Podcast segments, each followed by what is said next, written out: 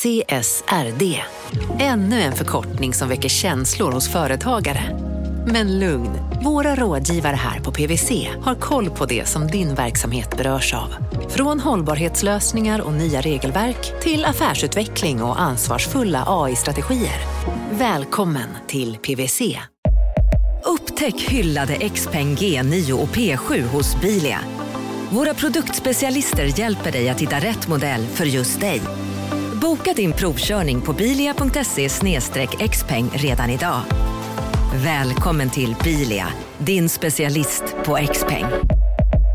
Välkommen till Unionen. Jo, jag undrar hur många semesterdagar jag har som projektanställd och vad gör jag om jag inte får något semestertillägg? Påverkar det inkomstförsäkringen? För jag har blivit varslad, till skillnad från min kollega som ofta kör härskarteknik på möten och dessutom har högre lön trots samma tjänst. Vad gör jag nu? Okej, vi tar det från början. Jobbigt på jobbet. Som medlem i Unionen kan du alltid prata med våra rådgivare.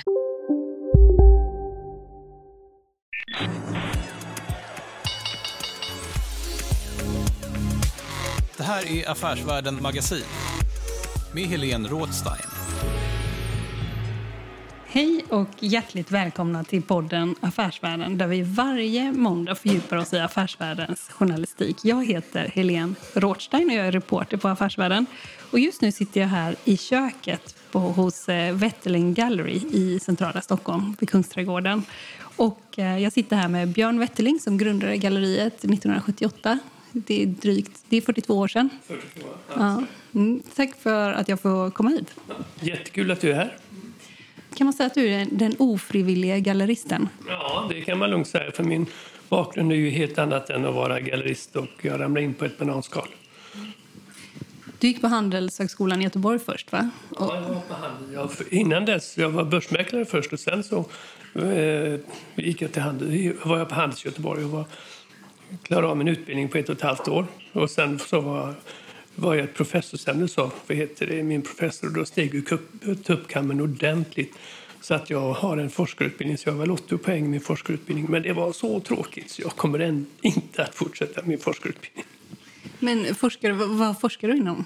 Inom redovisning. Mm, okay. Men kanske skulle du valt något roligare ämne där? Nej, det är, ja, ja, egentligen så är ju marknadsföring mycket roligare. Men det är, det är ju så flummigt tycker jag. Mm. Utan eh, redovisning vill jag göra därför att det finns en punkt. Va? Och jag vill ha punkter i mitt liv. Mm. Nu när du har drivit ett eh, galleri på olika platser, är det ju. här har ni varit sen, eh, det är ganska länge va? Ja, sen 84 har jag varit här. Sen har jag varit i Singapore i fem år sen vi startade i Göteborg. Men här är ju själva grundgalleriet, eller grundgalleriet. Och i Göteborg är vi till och från. Och man kan säga, många som har varit i Stockholm de har nog eh, antingen besökt er här i Kungsträdgården eller så vet man var, var det ligger. Vad brukar du förklara att det ligger? Ja, det ligger i Kungsträdgården. Och den som inte vet var Kungsträdgården ligger brukar säga om ni vet var NK ligger och vet de inte var NK ligger, ja, då är det svårt. Ja. Men eh, det är ett galleri som man, eh, jag tror liksom de flesta har eh, passerat eller gått in i kan man säga. Ja, tyvärr så passerar de. De går inte in lika mycket som de passerar. Men eh, du har ju eh, nu drivit galleri i 40 år och du har sålt konst i 40 år. Eh, och vad det gäller coronakrisen som kommer nu i våras, ja. hur skulle du säga att den skilde sig från tidigare kriser? Ja, det vet vi ju inte än, för vi är ju eh, mitt uppe i den. Men för, för, min del så skillnaden mellan den här krisen, som för mig är det den fjärde krisen tror jag det är, eh, ordentliga krisen, så tog jag så insåg jag blixtsnabbt då i slutet på mars att nu gäller det att, att skrynkla ner så fort det går och göra alla de saker som gör att man minskar, minskar kostnaderna. Och det gjorde vi direkt. Och det är ju min räddning också det här, i det här fallet. Va? Så att nu har vi likviditet ända till april nästa år om jag, inte säljer, om jag säljer noll. Va? Så att, eh, vi, vi är ganska trygga den här gången. Och innan 80-talet så blev det ju... När Saddam Hussein gick in i Kuwait 1990, då skulle vi stängt. Va? Då skulle vi bara säga stopp. Men det, ingen hade varit med om någon sån kris innan och inte vi heller. Så det, tog, det tog två år innan vi hade skrynklat ner som vi borde göra. Och då var det också fastighetskris så i här? Då var det en ordentlig fastighetskris. Så att, eh, den här krisen som vi har nu, ja det får vi ju se vad som tar vägen. Vi, har, vi är ju mitt inne i den. Och det som ni har gjort, men jag tänker också på dina kunder och sådär. Har ni fått eh, liksom ordrar och sådär som ni, folk har dragit tillbaka eller hur ser det ut? Nej, det- eh, affär, affärerna den har ju gått ner med 70 procent för oss. Så att eh, alla gallerier har nog haft ungefär samma problem som jag. Auktionshusen har ju klarat sig hyfsat. Både Igår var det auktion på Sotheby's i New York och det verkar ha gått bra. Va? Eller riktigt bra. Och eh, Buckarna och, och Uppsala gick ju bra också. Va? Och då är det alltid så som jag upplever det, att folk går tillbaka till det man känner sig trygg med. Och eh, då, tyck, då blir ju, vad heter han, eh, Carl Larsson och de här mycket populärare igen. Va? Vilket är erbarmligt tråkigt. Det är just nu som du ska, du ska vara med och köpa nutidskonst. Du får fantastisk nutidskonst och skapar en, en, vad heter din egen samling till ett mycket, mycket rimligt pris. Mm. Eh, Varför tror du att det är så, liksom att de känns liksom säkrare? De här, är, är det säkrare investering, till exempel Carl Larsson, egentligen, än nutidskonst? Ja, Carl Larsson har vi facit på, men samtidskonst som vi jobbar med väldigt mycket eh, har vi inte facit på. Jo, vi, har, vi kan säga Frank Stella som vi ställer ut just nu här. Va? Där har vi facit på verk som eh, från 1960 som kostar upp till 50 miljoner dollar per styck. Va? Sen har vi en utställning här då, där vi börjar på 225 000 dollar och uppåt, upp till en miljon dollar knappt. Men då är inte det säkert därför att folk vet inte, vågar inte tycka själv utan man ska tycka på allt annat. Man ska känna sig trygg va? och en gammal Frankställare är mycket bättre än en ny Frankställare. Det där tycker jag är lygens. Va? Det är dumheter. Va? Och, eh, vilket gör mig sorgligt. Det är sorgligt, men så har det alltid varit. Och folk är väldigt osäkra. Det är ytterst få som har den här gatsen. Men eh, det som jag tänker på eh, också är liksom, vad får det för konsekvenser för eh, konstnärerna då, som håller på? Är det att de, alltså de unga och lovande, som, som ni har en hel del här? Ja, det är ju jättesvårt för dem. Och, eh, idag sålde vi en Love Lundell för 50 000 kronor. Och det är han överlycklig. Och det är min dag också. Han har gjort min dag. Det första samtalet jag hade var en som ville köpa. Man blir ju mer än överlumpad över att någon kommer in och köper frivilligt. Så det är jättekul. Ja, men det är sorgligt och eh, därför så är det viktigt att man stöttar samtidskonsten. För det är du och jag som skapar nästa generations mästare. Och de finns hos gallerierna. Men, men hur var det när ni slog upp här 1984 då? När vi slog upp 1984 så öppnade vi med Robert Rauschenberg. Och vi hade ingen aning om... Han är amerikan. Han är amerikan och han har gjort Geten på det Moderna Museet. Så han är en av vår tids absolut mest kända konstnärer. Vi hade ingen aning om vad vi satte igång då med den amerikanska konsten som vi då introducerade, å, återintroducerade i Sverige får man väl säga. Och, men det var jättesegt. Det var jättesvårt. De två första åren, 84-85, var var vi konkursmässiga flera gånger om, men vi klarade oss. Då. Men sen så tog det ju fart något alldeles otroligt. Men det byggde också på att marknaden i USA var ganska soft. Och därför så kunde jag få in de amerikanska konstnärerna i Sverige. Annars hade jag aldrig fått in dem. Varför ska man ställa ut i Stockholm när man kan ställa ut i London, Paris, Tokyo, New York? Och sen hade jag väldigt goda kontakter och sen betalade jag för mig, vilket gjorde att jag fick deras förtroende och fortfarande har. Eh, Men, och sen så rullade det på här ganska... Ni hade en väldigt spektakulär öppning, hade ni inte det? Överhuvudtaget. Alltså det var osäkert om han skulle komma ens. Till att börja med. Att han skulle komma det visste vi, men, men det spektak, spektak, spektakulärt var det. För Rauschenberg, när han kom på var måndag eller tisdag, jag kommer inte ihåg när det var, så skulle vi ha presskonferens där, men han dök inte upp. Utan det tog en hel dag. Nästa dag kom han och då var TV, TV2 Nöjesmaskin här och tänkte herregud. Här har man då två bondgrabbar från Göteborg eh, erövrar Stockholm och så får vi då Rauschenberg hit och så kommer inte han till presskonferensen. Jag tror att det smäller av. Men han kom dagen efter. Och så kom han in i sin silverkostym och sina ormskinnstövlar och tog alla med storm. Och vilka andra kändisar var liksom, hade ni eh, bunkrat upp med här då? Ja, det, det var ju, varenda en var ju här. Va? Så jag, jag kommer inte ihåg Anders Wall. Hela näringslivet var ju här. Plus alla andra. Och vi visste ju inte vilka som var vilka. Så vi Eh, I alla fall inte jag, va? men några stycken andra av mina kollegor visste säkert vilka det var. Men vi var nästan tvungna att stänga dörren efter fem minuter. Så var det proppfullt. Det var kö in till galleriet, vilket jag önskar det skulle vara idag. Men så är det inte. När man tänker sig när folk ibland får... Eh, när folk ibland liksom eh, blir rika och får massa pengar så tänker en del av dem nu är det dags för mig att börja ägna mig lite åt konst. Ja. Ja. Eh, vad tycker du? Liksom, eh, det finns ju de som är kända konstsamlare. Till exempel Kerstin Hessius är väl en känd konstsamlare och hennes man, eh, heter han Dag? Kerstin Hessius och, och Johan Hessius, de är ju kända till exempel. Det finns ju en hel del som, eh, som är kända sådär i, i näringslivet. Är det någon som du tycker, den här personen har liksom jätterolig konstsamling skulle du säga? Jag har flera stycken som har roliga konstsamlingar. Jag kan inte säga vilka det är. Jag måste fråga dem först innan jag talar om vilka det är. Mm. Eh, annars så kommer de att hugga huvudet av mig. Men jag har ju flera stycken som sa att jag ska aldrig någonsin köpa en tavla av mig.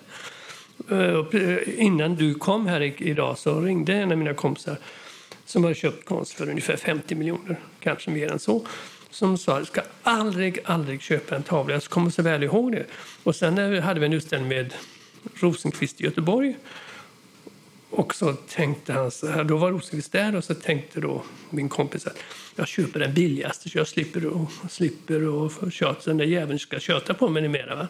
Så jag köpte den billigaste Rosenqvisten som, som fanns då. Jag har den faktiskt här i lagret också. Och eh, för 15 000 kronor tror jag. Och eh, idag så hade han köpt en tavla av en annan kompis. Han var så överlycklig så att han är miljardär och men han, han får en kick av det här med konst. Och det är det som jag önskar så många mer skulle kunna få. Att konst handlar just inte bara om pengar. För de som är väldigt förmögna, det, det, pengarna är ju en illusion för dem. Va? Om de tappar 100 millar spelar ingen roll för dem, eller det är 50 millar. Va?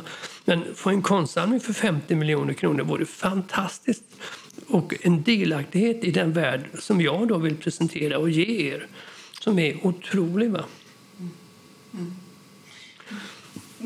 Vad tycker du om man då ska börja samla på konst, säger vi, och eh, om man då själv vill hitta liksom, den här kicken och så vet man inte riktigt var man ska börja någonstans. Så är det ju för flera stycken. Ja, de flesta är det så för. Och då finns det, min rekommendation är glasklar. Det är att inte gå till handlare, utan gå till gallerier som, som då eh, jobbar genuint med sina konstnärer.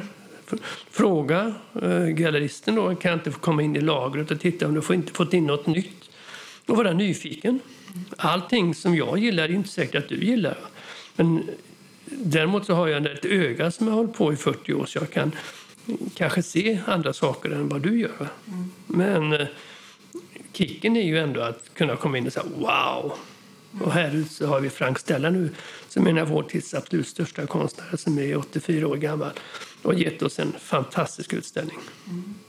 Du sa det här är din fjärde kris som du har genomgått. Eh, om vi tar dem i ordning. Var den första där vid Den 90? första var ju fastighetskrisen 1990 där vi då omsatte 135 miljoner och var 20 anställda och tjänade 17 ungefär på, på våren.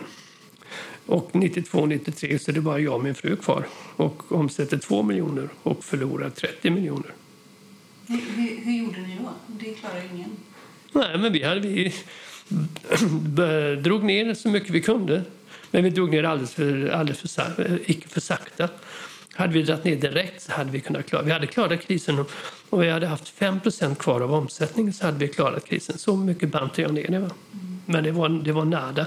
Och det tog ju väldigt lång tid innan det kom tillbaka. Va? Det tog ju jättelång tid. Och sen så flyttade vi till Singapore eh, jag och min fru. Och då möter vi den andra fastighetskrisen i Sydostasien. Det var ju lika stor fastighetskris där som det var här.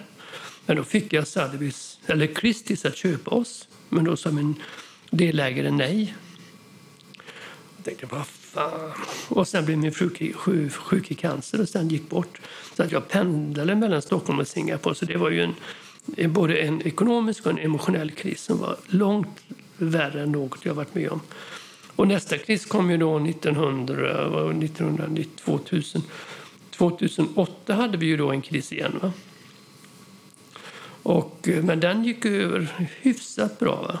Men eh, vi klarade oss väl och sen är vi framme nu i den här krisen.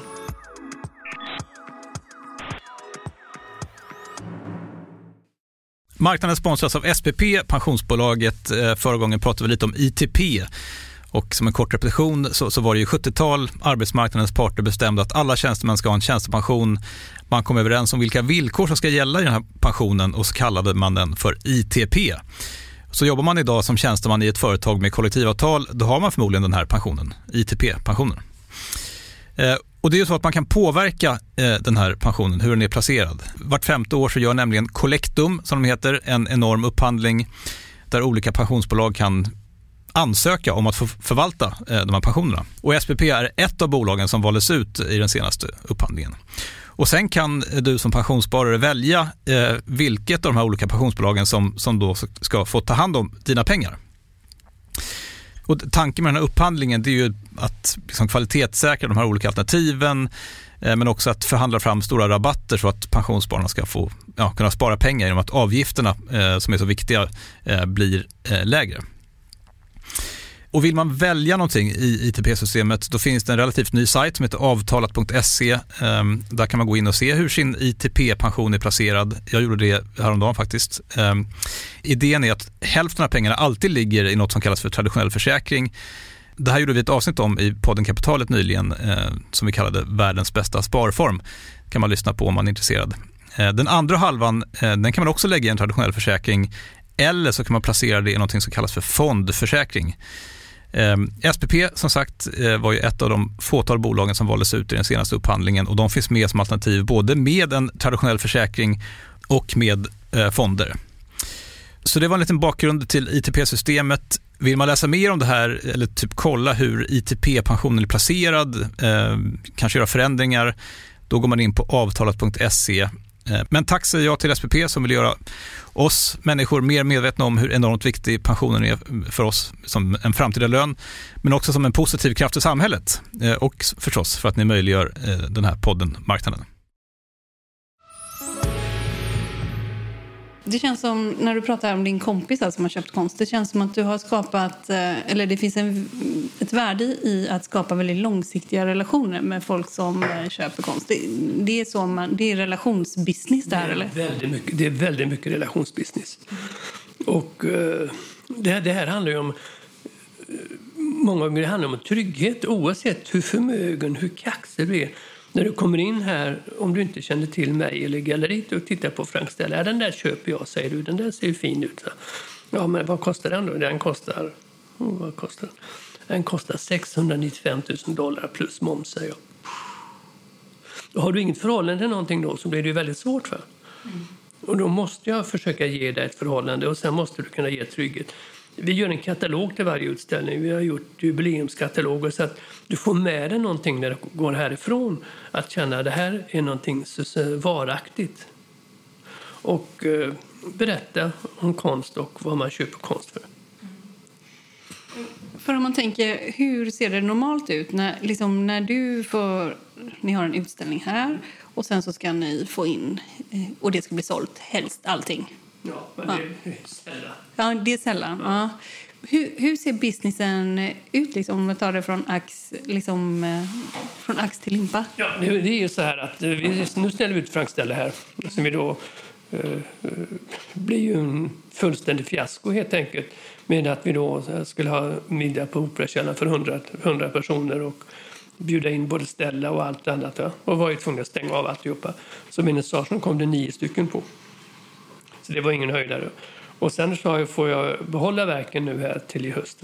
Och då det gäller att ringa runt och eh, dra in folk med med tång om det så skulle behövas. Men nu kan ju ingen resa så att väldigt många av mina som köper av mig är från, är från inte Stockholm och då blir det jättesvårt för oss. Vi måste ha in dig fysiskt för att, du ska, för att de ska köpa av mig. Det är så? Ja, det är så. Ja. Men, ja, okay. Eh, och eh, om man tänker som en utställning, vad ska man helst sälja för att det ska gå runt? Ja, det beror på vilken kostnadsmassa du har. Men om du kör Frank Stella så har vi en kostnadsmassa på ungefär fram och tillbaka 700 000 kronor. Det är rörliga kostnader plus fasta kostnader. Så vi måste sälja bra med Frank Stella. Mm. Och det brukar vi göra. Och Frank Stella är ju den som då ska bära våra unga konstnärer. Va? Vi driver ju galleriet med att eh, alla våra, om jag gör tio utställningar så är det sju som jag ekonomiskt sett som räknades aldrig skulle göra. Va? Men vi gör det därför att jag tycker det är viktigt att svenska konstnärer ska försöka komma ut i världen och kunna sälja och kunna leva på sin konst. Eh, om jag ska vad heter, driva galleri för att bli mera förmögen, det spelar mig ingen roll. Det är ointressant. Pengar. Pengar är en illusion, men jag måste ha dem för att kunna genomföra, eh, genomföra eh, mina Eh, ambitioner med att göra mässor utomlands. till exempel så gjorde vi en mässa med vad heter hon, Liva Isaksson på Armory i New York där vi dedikerade halva båset till henne. Och det visste vi att det är ekonomiskt vansinnigt. Det kostar ungefär 800 000 kronor. Där vi då sålde för 20 000 dollar av hennes verk. Men det gjorde vi därför att vi tyckte det var viktigt. Och vi visade en skulptur som var jättestor. Och fick hon ett fantastiskt mottagande och det tycker jag det var värt. Under de här 40 åren som ni har funnits och ja, vad blir det? snart då 30 här i Stockholm. Ehm, hur har den svenska galleriscenen utvecklat sig skulle du säga under den här tiden? Den är ju skrynklig. Den blir mindre och mindre tyvärr. Och vad bygger det på? Ja, det bygger på att det är så otroligt mycket dyrare och kostar så mycket mer att driva, driva en sån här verksamhet. Det är ju ingen hobbyverksamhet att driva galleri utan det är vilket slitgöra som vad, vad som helst. Och det, det, det, kostar hemskt mycket pengar. Och det blir svårare och svårare att vad heter, ta betalt för svenska konstnärer. Jag sålde en Love Lundell idag för 50 000 kronor. Och så, ska, så är det moms på det och så får han hälften. Ja, det går inte att driva galleri på det. Va? Och vi måste få upp priserna i svensk konst, men det, är, det går inte, det är ingen som vill betala mer än så. Love Lundell, den där borde kosta 100 000, men det kan jag inte ta, va? därför att då säljer den inte. Va? Eh, när du säger att den borde kosta det, eh, vad, vad utgår du ifrån då? Ja, det bygger jag på att han, han då har jobbat med oss ett antal år och att han har gjort flera utställningar med oss. Men sen har man ingen större andrahandsmarknad, den måste jag skapa. Va? Och det tar väldigt mycket tid. Va? Mm. Och sen får man jämföra Love med alla andra unga konstnärer. Och då måste jag hålla något sån paritet med det. Eh, så det gäller liksom det som framförallt som, som det har handlat om för dig, det gäller också att eh, etablera och visa på en andrahandsmarknad kan man säga. Ja, och det är en grannlaga uppgift. Mm. Och det tar väldigt mycket tid. Mm. Och när du säger tid, vad, liksom, vad är det du faktiskt ska göra då? Ja, jag ska se till så att man får en så stabil marknad så att om det sätts på auktion att det ska finnas någon som vill köpa. Då, mm. Och eh, någon är då att inte gå till gallerier. Så det är väldigt många. De allra flesta människor köper inte på gallerier. Men jag kan ta ett bra exempel. Jag har sett eh, Natalia Edemont, så vi har en printa för upplaga 50 som vi tar 14 500 kronor på. För, för. Den, vi satte en på Buckan för att se hur det skulle gå. Va? Bukowski. ja. Och den gick för 39 000. Så du kan komma till mig och köpa den för 14 500 plus ram. Mm. Då gör de, har du något att lära som de gör där då? Ja, de har ju så många mer människor som går på deras sajt. Mm. Och, uh, om jag hittar nyckeln, eller om du hittar nyckeln eller någon annan som lyssnar på det hittar nyckeln så kom in till oss och berätta hur man gör så ska jag gärna härma. Um, en, en, annan sak som jag tänkte... När du säger att de blir färre och färre, då tänker jag men inte, inte sedan du startade kan det inte vara färre. Alltså, jo, då, det är, färre. Är, är, det så? Jag ja. upplever att det är färre idag. Va? Ja, en för 40? Ja, jag upplever det. Och det är, eh, vi har 10-15-tal gallerier som är riktigt, riktigt bra i Sverige. Det är alldeles för lite. Tittar man på eh, Belgien som är ungefär lika stort som oss och Schweiz som är lika stort som oss och Österrike så är det tunt med, svenska, med, tunt med gallerier. Och framförallt så kan vi inte ta betalt. Vad beror det på, tror du? Då? Ja, det beror... Ja, jag, kan inte, jag har inget bra svar. Det beror på att den svenska auktionsmarknaden är väldigt, väldigt stark. Vi har väldigt starka auktionshus i Sverige som har varit väldigt framgångsrika. Och där har vi haft dåligt, vi har inte kunnat konkurrera med dem. Eller vi har inte visat att vi är lika duktiga som dem, och det är vi. Va? Men det gäller att vi, vi måste marknadsföra oss på ett bättre sätt. Vi måste tala om att jag är störst, bäst och vackrast. Kom in och köp samtidskonst av oss.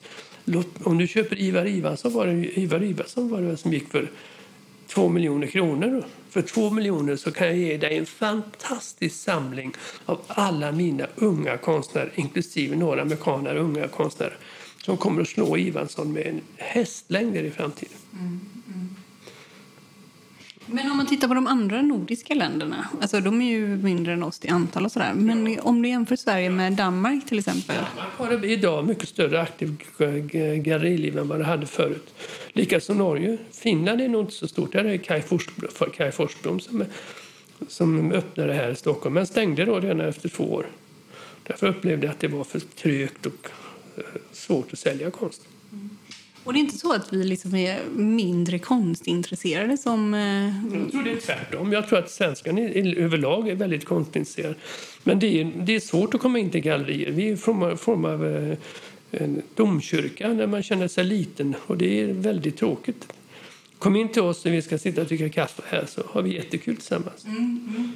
Ja men det finns ju liksom eh, sådär att man inte känner att man hör hemma i konstvärlden. Vi har ju till exempel en ganska berömd film. Såg du The Square? Ja, jag såg The Square, men jag gillar inte den, The Square. Jag tycker att den var lite för överdriven.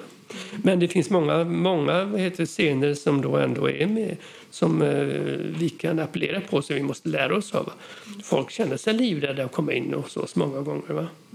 Och lägger man en ärta på golvet och så, så, ska man säga att det är fantastiskt bra. Eller en sophög. eller Åberg i Sällskapsresan hade när Stig-Helmer han gick och sopade här utanför och så innanför så låg det en skulptur som, som en sophög.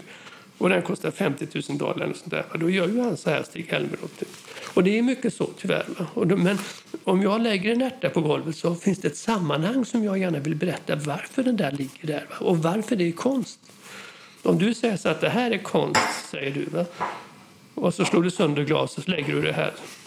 Det är ju ingen som säger att det är konst. Men när Robert Rauschenberg lägger den här, vad heter det? Måste jag säga Jag ringer upp den en stund. Eh, om Robert Rauschenberg lägger upp den här och skrynklar ihop den och slår sönder den. Och så skrev Robert Rauschenberg, då är det konst. Då finns det ett sammanhang. Och då måste man säga, men hur, hur kan det komma sig? Ja, men då får man berätta referensen kring Robert Rauschenbergs konst.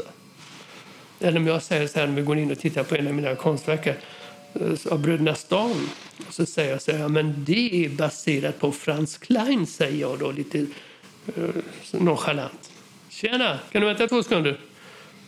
Så då säger jag eh, Frans Klein. Så säger jag, vad fan är Frans Klein, säger du då, om inte du vet någonting.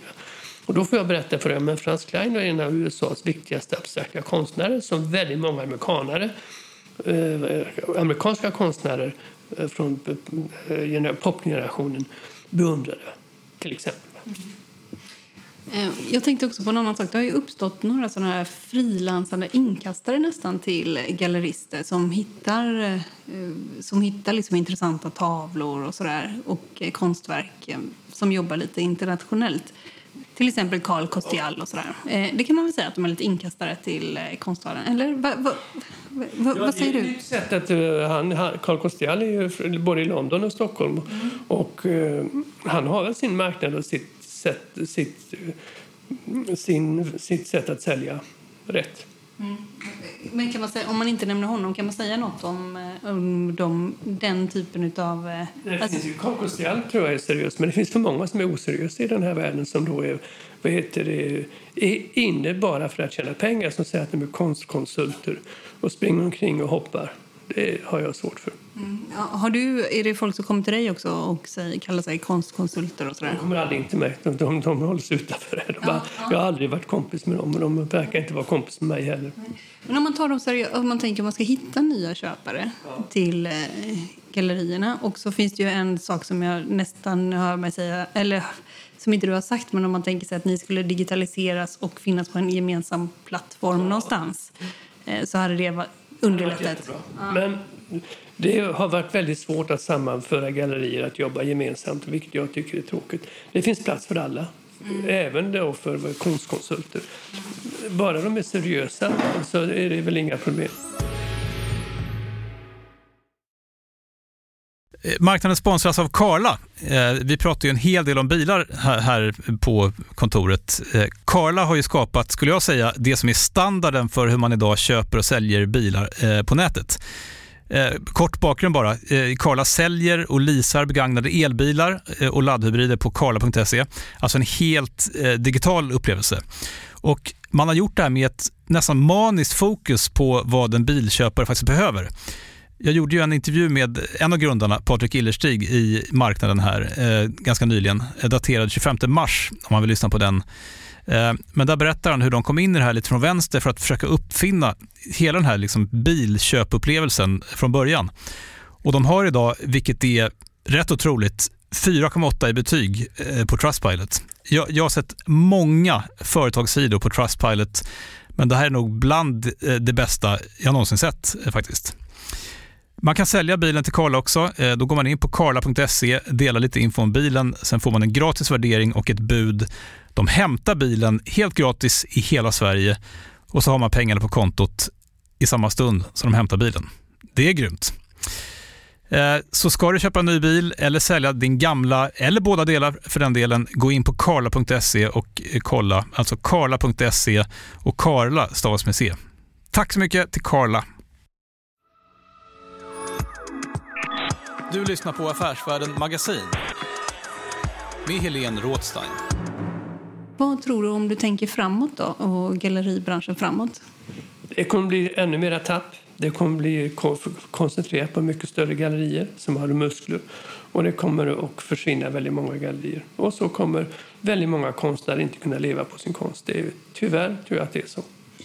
Det känns ju som att det kommer utarma i så fall en ny... Eh, eller? Ja, det, tyvärr så är tendensen att det blir så, vilket jag Gud hoppas att det inte är. Att man får nya människor att köpa eller att uh, öppna gallerier och uh, jobba men det är Örsvold skulle aldrig sätta igång och driva galleri.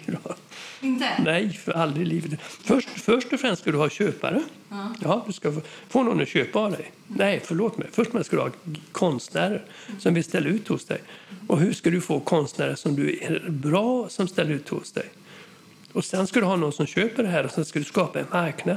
Jag fattar inte hur vi klarar av det här och börja en gång tiden. Jag kunde ju ingenting. Jag visste inte ens vad contemporary betydde. Jag vågade inte fråga det. Så att... Eh, det, det är görsvårt.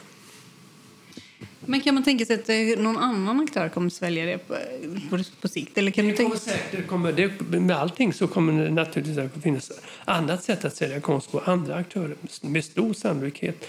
Nätet och vad det nu är kommer säkert att ha väldigt mycket mer Dragningskraften förr. Va? Och det måste vi lära oss, det måste vi anpassa oss till.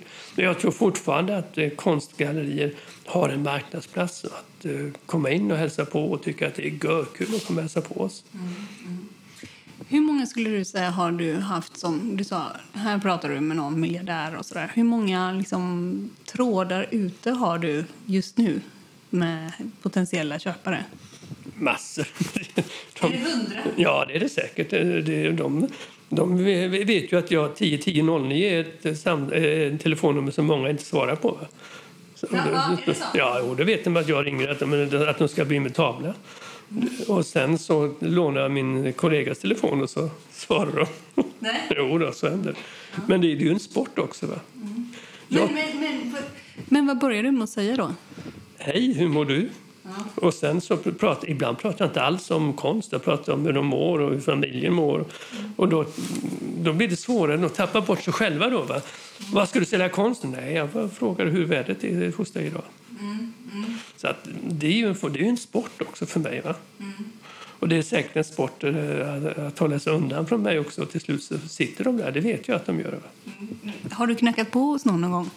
Nej, det gör jag inte. Nej, nej, inte nej. Men allvarligt talat, eh, det förstår jag faktiskt. Men eh, när du eh, ringer så, hur mycket har du suttit och ringt nu i den här krisen? Är det liksom, du ringer ja, några samtal? Som vanligt. Jo, jag ringer som vanligt. Jag har, en, jag har en lista på vilka jag tror jag kan sälja flankställa till. Med 30, 20, 30-tal. Så att några stycken väntar nog på att jag ska ringa igen. Och så de, flera stycken har inte svarat en enda gång på två månader. Men det, herregud, det är bara att nöta ut dem. Mm. Ja, är det så? Ja. Men kan man nöta ut tills någon eh, köper? Eller? Ja, det har jag gjort hela mitt liv. Alltså? det är, de ligger illa till. Och det vet de. Men jag tänker det måste vara ganska luttrade personer som är vana vid att folk försöker sälja olika saker till dem. Alltså, Jag är livrädda för att jag ska sälja för dyrt också. Men ett bra exempel är så här att jag skulle sälja en Ross Bleckner för ett antal år sedan. Så kostade 25 000 dollar. Så jag har inte råd, sa han till mig. Nähä, sa men du sa till mig att du hade en miljon Ericsson, var det inte så?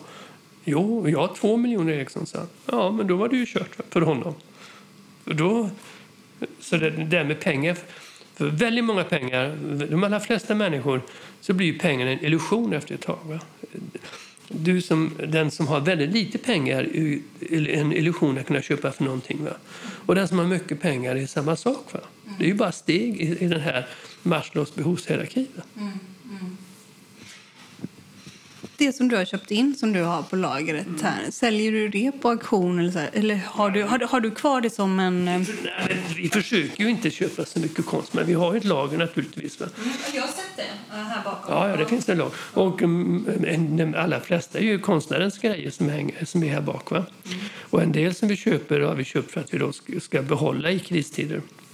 En del köper vi därför att vi måste köpa, därför att eh, någon har såld, eh, vill köpa en ny tavla och lämna in den gamla. Då, va? då kan jag säga, den gamla skiter vi den får du behålla. Men den nya vill jag gärna sälja, så det där får vi, får vi ta tillbaka ibland. Va? Och då har ni kvar det? Och då har vi kvar det. Vad, vad räknas det som för värde? Så att, alltså hur... eh, Alltså rent, du har ju forskat i någon redovisning. Ja, men vi, försöker ha, vi har ju ett bokförsvärde på den. Och det bokförda värdet är då till exempel, jag köpte in en eh, Frank Stella för 150 000 dollar till exempel. Va? Och så kan jag skriva ner det och sen så är ju, får vi se vad det, värdet är, vad jag kan sälja det för. Va? Under kristider har folk eh, köpt på avbetalning mera. Nej, det gjorde på 80-talet gjorde de det, men inte nu. Nu har vi inte sett det. 80-talet gjorde vi, vi gjorde vi leasing och kontrakt, alla möjliga konstigheter. Va? Men det vill, gör vi inte längre. Därför att du ska inte köpa konst för pengar du inte har. Du ska köpa konst för pengar som du har och du ska hänga det på väggen och tycka att det är väldigt roligt med konst. Du ska inte köpa det på, eh, sätta det i ett lager och tycka att det är, ha det som bara en penninginvestering för då kommer du att bita dig i tummen. Du ska tycka att det här är skitkul. Det här vill jag vara med om. Det här är, vill jag, jag vill ge- vara med om en resa med våra unga konstnärer som Liva Isaksson, Natalia Edemont, eh, Love Lundell, Linda Bäckström, allt vad de nu heter. Jag ger dig en resa. Istället för att köpa Ivan Ivansson för två miljoner så ska jag ge dig en fantastisk resa om du köper konst, samtidskonst för två miljoner kronor. Om man då köper samtidskonst nu, hur vet man att det kommer i de här kristider, hur vet man att det kommer komma mer konst från den här personen senare? Ja, Jag hoppas att det, vi vill ju att de ska, vi vill ju inte att de ska dö imorgon, våra konstnärer. Vi vill ju att de ska göra ännu bättre grejer. Va? Ja, men jag menar ifall de får det liksom tuffare nu. Ja, de kommer att få det tuffare. Många kommer att få det jättetufft. Och så hopp, förhoppningsvis så kan vi sälja så mycket så att vi kan vara med och köpa och sponsra dem. Vi har ju lagt ner massor med miljoner kronor på våra unga konstnärer eh, från 80-talet och framåt som vi aldrig får tillbaka. Vad tycker du är det mest spännande som händer? Om vi inte tar en person här, om vi tar lite trendmässigt. Vad tycker du är liksom rolig samtidskonst just nu? Konst är inte trend för det första. Det kommer aldrig bli trend. Eh, Du lever just nu. Ulf Linde sa en gång i tiden att klockan blir alltid tolv.